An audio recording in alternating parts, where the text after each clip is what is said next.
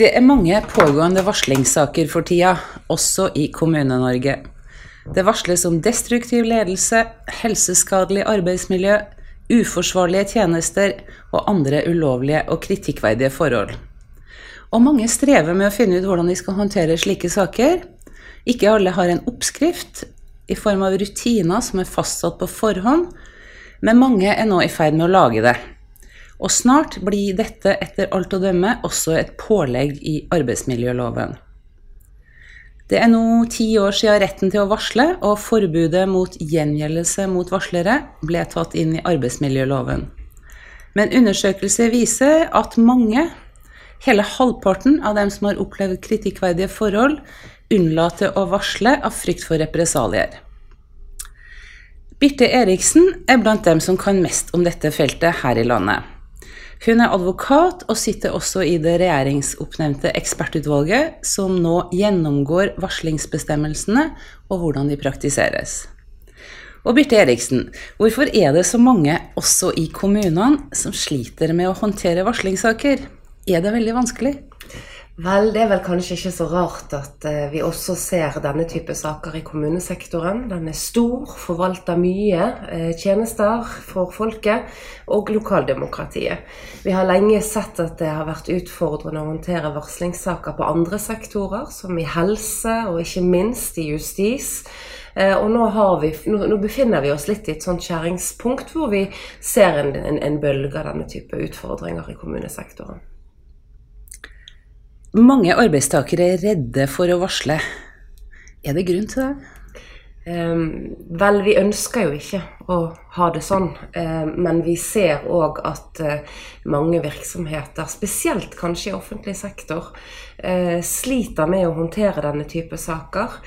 Sliter med å beskytte de ansatte som eh, velger å påta seg risikoen med å bære frem eh, informasjon om kritikkverdige forhold. Eh, og vi ser nok dessverre en del eksempler på at disse ofte ikke ivaretas godt nok. Ja, vi hører jo ofte om varslere som føler seg alene og lite ivaretatt. Hvordan kan lederne deres gjøre dette bedre? Ja, Da er jo du litt tilbake til det du begynte med innledningsvis. Eh, hvor viktig det er å jobbe med gode rutiner eh, som er forankret i organisasjonen, som har tillit, og som skaper trygghet og forutberegnelighet både for arbeidsgiver og for arbeidstaker, og også for den eller de det varsles om. Eh, de skal også ivaretas oppi dette. Nå, eh, med de bestemmelsene som nå er foreslått eh, endret i eh, arbeidsmiljøloven på dette området, så, understrekes og styrkes bl.a. ansattes medbestemmelsesrett. Og det er utrolig viktig at organisasjonene i arbeidslivet samarbeider om å etablere gode, trygge varslingsrutiner. I forbindelse med denne granskningen knyttet til han eh, Robin Schäfer i, i denne Monica-saken i justis, så ble det veldig fokus på dette hvor viktig det er, og denne plikten arbeidsgiver har til å gjøre en risikovurdering av varslerens situasjon. Altså Idet man mottar et varsel om eh, påberopte kritikkverdige forhold, så skal arbeidsgiver risikovurdere varslerens situasjon. Eh, for, eh, etablere tiltak, skape kommunikasjonskanaler som skaper trygghet eh, for, eh, for alle impliserte. Og der svikter det ganske ofte? Ja, det ser jo ut som man har en vei å gå eh, på dette feltet. Og det tror jeg man bare må erkjenne. Ehm, at vi befinner oss i et sånt eh, skjæringspunkt hvor det å øke kompetansen, eh, fokus, arbeide med rutiner, har begynt å få fokus. Nå har jo KS nettopp gjennomført dette prosjektet som Fafo har gjennomført om varsling i, i kommunene. Og jeg tror at eh, det er et veldig bra sted å begynne. Lese den rapporten ehm, og holde de fønene opp mot egen virksomhet. Eh, og, jobbe jevnt og trutt med å eh, sikre at disse rutinene er gode nok, at de er klare nok, at de er dekkende. Og ikke minst at informasjon og, og, kompetansen eh, i organisasjonen Nå, nå, er, nå er arbeidstakerorganisasjonene veldig på hugget. Eh, skolerer tillitsvalgte, noe som igjen skal slå positivt ut på samarbeidet om varslingsrutiner, f.eks. Hmm. Eh, det virker ikke alltid klinkende klart hva som er en varslingssak. Mm. En enkel definisjon på varsling er at det er å si fra om kritikkverdige, ulovlige eller uetiske forhold til noen som har mulighet til å gjøre noe med det. Men er det et varsel når f.eks. en mellomleder i en kommune føler seg dårlig behandla i en eh, omstillingsprosess, f.eks.? Ja. og levere et varsel mot rådmann. Ja, det er en litt, litt sånn klassisk eh, problemstilling. Eh, før jeg svarer direkte på det, så vil jeg si det at det er utrolig viktig at den enkelte virksomhet, og det kan være en del av en kommune f.eks., de som leverer helsetjenester, eh, de som driver med innkjøp, mulige kritikkverdige forhold vil være veldig ulikt i de to delene av virksomheten. Og det er utrolig viktig at de ansatte med sine ledere gjør en liten øvelse. Hva er kritikkverdige forhold her hos oss? Um, uh, og, og, som sagt, det vil, de vil, se ganske annerledes ut hva som er risikoforhold, hva som er mulige kritikkverdige forhold. For de som f.eks. leverer hjemmesykepleie. Um, og, og, og, de som driver med, med innkjøp. Sant? På den ene siden så er det risiko for brudd på anskaffelsesregelverk. Um, I forhold til de som leverer helsetjenester, så kan det være risiko for tyveri, underslag, uh, overgrep mot syke eldre. Uh, dette er en øvelse som må gjøres i den enkelte uh, delvirksomhet i en kommune for å skape bevissthet om hva man faktisk vil at de ansatte skal si fra om. Ehm, det, det er det ene. Det andre, det, det, du spør om her, det er jo en av de eh, skjæringspunktene som kan være krevende. Eh, nemlig eh, forholdet mellom hva som er et varsel om kritikkverdig forhold, og hva som er rene personalsaker. Um, og og der, der, er på en måte tommelfingerregel at, at, er det snakk om et mulig brudd på ens egen arbeidsavtale? Eh, er, er, du, er, du, opplever du at arbeidsgiver bryter di, din konkrete arbeidsavtale, så er det ingen varslingssak. Eh, det, det, blir en varslingssak når forholdet en, innebærer en samfunnsmessig risiko, kan få konsekvenser utover seg selv, altså utover den enkelte sak. Mm. er det f.eks. tale om eh, alvorlig maktmisbruk fra en, ledels, en, leders side, som kan lamme en, en avdeling, eh, få konsekvenser for, virks, for, virksomhetens tjenester, så begynner vi å nærme oss da et kritikkverdig forhold. Men når det gjelder brudd på min egen arbeidsavtale, så har arbeidsmiljøloven en hel katalog med andre bestemmelser som ivaretar mine interesser i en sånn type konflikt. Mm. Men, men, men, dette krever litt trening, bevissthet, litt øvelse. Um, uh, men, og, og, det betyr ikke at ikke det er alvorlig nok om arbeidsgiver bryter med en arbeidsavtale, men da har jeg andre rettigheter som jeg lettere kan bruke. Det er viktig at ikke varslingsinstituttet vannes ut. At at det påberopes i tide og utide eh, når, når, det egentlig er eh, andre regler som passer bedre på situasjonen. Og Det samme gjelder situasjonen hvor det f.eks. er en konflikt mellom to personer det, eh, det vil også eh, vanskelig være en, et, et, kritikkverdig forhold. Det er andre regler. Arbeidsgiver har en, en generell plikt til å ivareta det psykososiale arbeidsmiljøet. Eh, en, en alvorlig konflikt som kanskje medfører sykemeldinger osv., har arbeidsgiver også plikt til å gripe inn i forhold til. Men varslingsreglene er ikke det rette verktøyet for denne type saker. Hmm.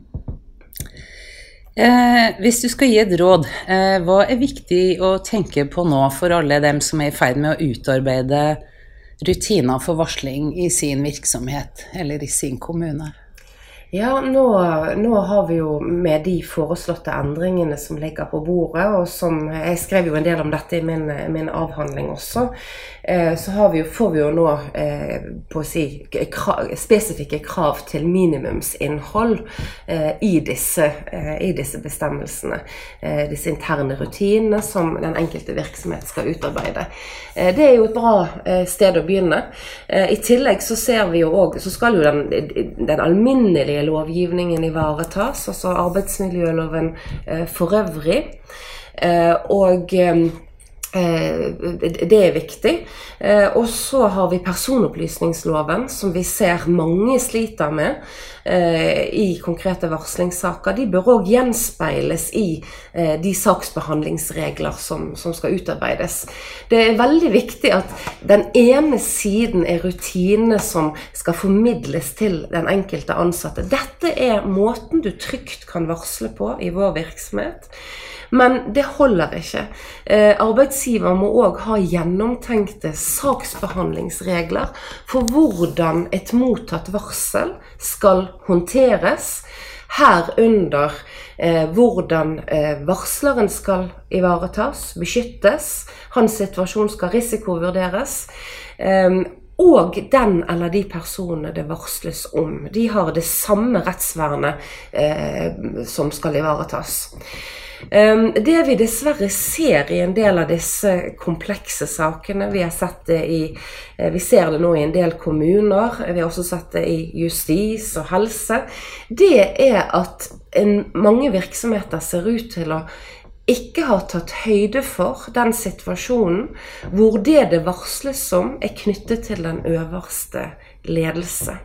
Eh, og det ser ut til å skape en del av de krevende konfliktene eh, som mange av disse offentlige virksomhetene nå står eh, midt oppe i. Og, det som da er viktig, det er at man gjør de, gjør de erfar, altså bruker erfaringene som man nå gjør. Jeg har fulgt med nøye, og jeg ser at en del kommuner som plutselig kommer i, denne type utfordringer, har tatt litt læring uh, av det som har skjedd i, i andre kommuner. Eh, f.eks. dette med, eh, med, habilitetsutfordringer, der det f.eks. er varslet om en, en, rådmann eller andre eh, toppledere. At man da fjerner ansvaret for saksbehandlingen eh, fra de som har interessekonflikter eh, knyttet til varselet. Eh, og det, det, er jo, det, er jo, et sted å begynne. Men det må lages en ekstraordinær varslingskanal for situasjonen hvor, hvor hvor det er øverste ledelse det er varslet om. Det er helt, helt avgjørende i det arbeidet som gjøres, og i disse lovforslagene så understrekes jo også arbeidstakernes medbestemmelsesrett i arbeidet med varslingsrutiner. Det er at saksbehandling av eh, alvorlige varsler og mulige kritikkverdige forhold sikres en saksbehandling som har tillit hos både arbeidsgiver og arbeidstakerne. Eh, til slutt, eh, ekspertvalget du sitter i har et eh, hvitt mandat. Eh, tror du det vil komme forslag til store endringer i eh, varslingsreglene i arbeidsmiljøloven fra dere? Eh, ser dere store svakheter som må rettes opp? Ja, eh, det er litt begrenset hva jeg har lov til å si på dette stadiet. Det jeg kan si, det er at vi så langt har en veldig, veldig åpen og konstruktiv dialog. Eh, og vi har brukt mye tid og krefter på å innhente erfaringer eh, fra mennesker som har vært i berøring med krevende varslingssaker. Vi hadde senest i går en innspillskonferanse hos, hos Fritt Ord med nesten 50 deltakere fra privat og offentlig sektor. Eh, advokater, varslere, forskere. Eh, en veldig sammensatt eh, deltakerliste der. Ehm, og, og, nå skal vi for alvor begynne arbeidet med å, å på se på hva vi konkret kan gjøre. Um, så de, de, store eh, si, prinsipielle diskusjonene eh, har det vært god plass for.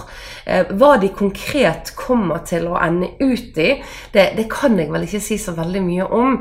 Men vi er nok bevisst at vi både skal se på selve reglene i arbeidsmiljøloven, men også, ikke minst, på det systemet eh, som skal sørge for at det eh, er et effektivt regelverk og et effektivt varslingsvern.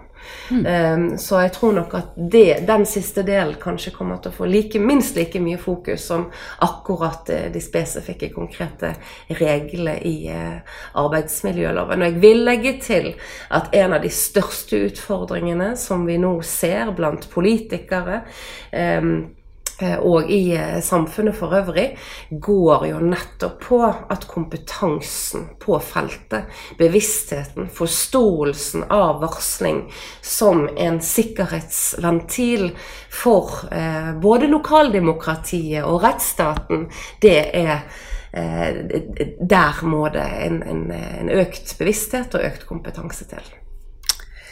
Da vil jeg bare si tusen takk for praten, og lykke til videre med arbeidet i ekspertutvalget. Resultatet får vi i form av en offentlig utredning i mars, I mars neste 2018. år. Ja. Mm. Tusen takk skal du ha, Takk for meg. Tusen takk for meg.